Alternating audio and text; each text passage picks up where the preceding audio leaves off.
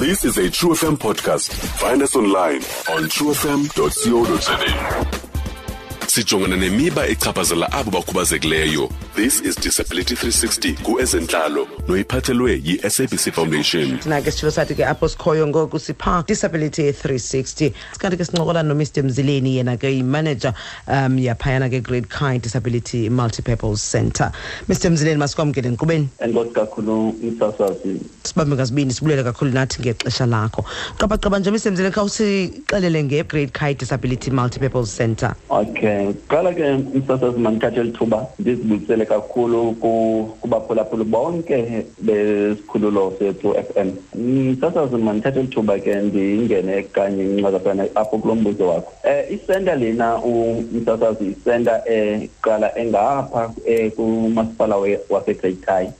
Eh ekwindawo kwilali yasesotho emoyplus Okay. eh yisente ke lena amsasazi eh, enabantu abayi-104 eh in- yisenta ejongene ke noku-empowerisha abantu abaphila nenkubazeko okay eh i-accommodate ke eh, eh, zonke iintlobo ze- ze-disability ah eh asina-disability ke singayi-accommodate kodwa ke siqala uku- ukuthatha kubantu abane-eighteen years. Mm. ukunyuka ukubheka phezulu.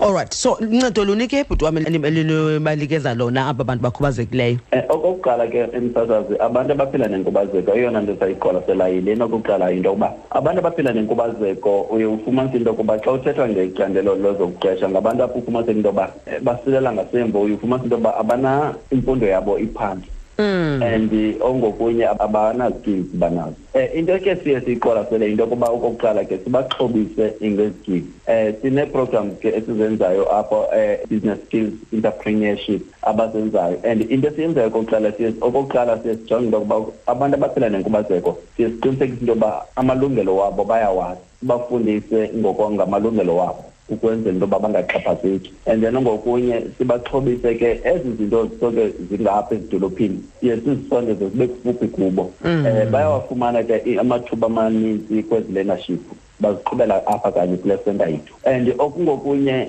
abanye siyabaxhobisa ke nakwecala lemisebenzi yezandla. Bakhona nabenza ii-bead works apha zonke izinto ezintle ezenziwa ngezandla ziyenziwa apha bazifundiswa kule ndawo. Mm. and then ekungokunye esikwenzayo ke emsasazi kukuqinisekisa into yokokuba senza ne-advocacy eh apho abantu abaphila nenkubazeko siqiniseka into yoba ah, abaxhatshazwa. Abatyelwa izimali zabo siyakwazi uyokuma eh sibathethele eh siqiniseka into yoba baphila ngendlela erayithi nasemakhayeni abo senza ne-awareness ke eh i-awareness ke msasazi ezi apho silwa kakhulu into yokuhlukunyezwa kwabantu abakhubazekileyo Mm. ewe eh nasezikolweni naphi and ongokunye siyaqiniseka into yokokuba abantu abaphila nenkubazeko information bayifumana ifamily nefamily zabo. Eh information enjani ke msasazi information encedisana nokuphila kwabantu abaphila nenkubazeko uba uyifumanise into kwamanye amakhaya xa umntu ebona ekhubazekile uye uqonda ukuba noba ngumntana uzele ekhubazekile uba hayi akho sidingo sento yoba esikolweni. And ufumanise into yoba ne- negranti lena yakhe isetyenziswa ukuphuhlisa lo ulapha efemelini ungakhubazekanga. Yiyona nto ke siye amakhaya ke siwahambele siqinisekise into yoba umuntu umntu ophila nenkubazeko mayaziwe into yokokuba naye ngumntu unelungelo into yoba angafunda Okay. siqinise into yoba siyancedisa ke kumakhaya enzayo into yokokuba abantwana mababuyele esikolweni Mm. aba mabasiwe esikolweni abantwana abaphila nenkubazeko siyijonge inkubazeko lena yakhe into yoba ibumila bunjani na yeah. Uba ithi ke inyanzela into yoba ifuna isikolo ezingafani nezi ze-mainstream simkhangelele isincedise into yokuba makasuke kwezo zikolo zi-special schools. Njengangokuba khona nabantwana esibhizi ngabo um esibafuna ubathumela kwezo zikolo ngapha ebhayi ekhanya ubantwana aba- abaphila ne-albinism. Mm. uyifumanisa into yoba kunzima shem kubo ukujongana kwezi zikolo bayabethakala kakhulu i-eyesight yabo. Yeah, and yeah. then ke siye sibancedise ke nokubathumela nakwezi zikolo nangoosibhizi bakhona esabasa ngapha ekhanyisa ebhayi okay mr mzileni if you don't mind me asking ke ngoku abantu basezikolweni ngo- ngoba nguba nobhatalayo owenza sure uba uh, financially uyabasapota kwabo basebhayi ke igranti lena yabo umsasazi ngenye into enye incedisa. Ncedise okay. eh and ke siye sisebenzise ke no- siye sincedisane ke nelaa sebe lika-social development okay kuyo yonke ezi zinto senzayo msebenzi alright ndikuva kakuhle um kwakhona omnye umbuzo bendinawo uphaa kwaba ba- bezskills ngaba mhlawumbe um njengoba bezenza ezi- le beadwork nezinto bazenzayo ngezandla um niye nenze kanjani ke emveni koko xa sele begqibile Niye- ninento eni- enizenzayo zoba nibonise uluntu okanye nizithengise ni- okanye zihleli nje ziphayana e- e- esenta no ziyathengiswa zithengiselwe ii-community ezi sisiarawundileyo and ziya ongokunye kubakho neento ezinjengee-festival apho sesizithathe Okay. sizise khona ezinto okay ndikuva kakuhle. Xa sigqibelisa mr mzileni ndikuyeke um ingaba mhlawumbi umntu ke ngoku yena onomdla um- o- o- ofuna umzali mhlawumbi onomdla wozisa umntana wakhe okhubazekileyo kule senta wenza kanjani? Angathi ke msasazi aqhagamshelane nam kwiinumbers ezizawuthi ndizishiye apha emoyeni msasazi mhm.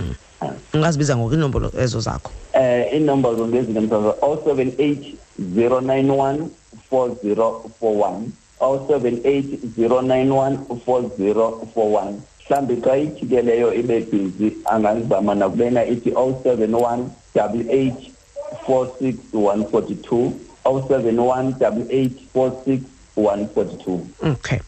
Mr mzileni masibambe ngazibini sibulele kakhulu kuwe ngexesha lakho nangokusichazela ngale ndawo ithiwa yi-great kind disability multipurpose center and keep up the good work. Enkosi kakhulu umsasazi nangethuba ndinikele yona. Ndiyabulela kakhulu. Ndiyabulela nakubaphulaphuli abathe babule- baphulaphula ngeli xesha inkosi msasazi allright kanti ke nguye kaloku umaneja wale center sithetha ngayo apha i-great kind disability multipurpose center. Inombolo zakhe zomnxeba amos mzileni 078 091 4041 078 091 4041 idisability 360 ubuyiphathelwe yitrue fm ibambisene ne-sabc foundation. For more disability content visit sabc disability 360 on facebook or follow at sabc disability on twitter. Stream True FM online on truefm.co.za. sikho yonke indawo ngalo lonke ixesha like no one else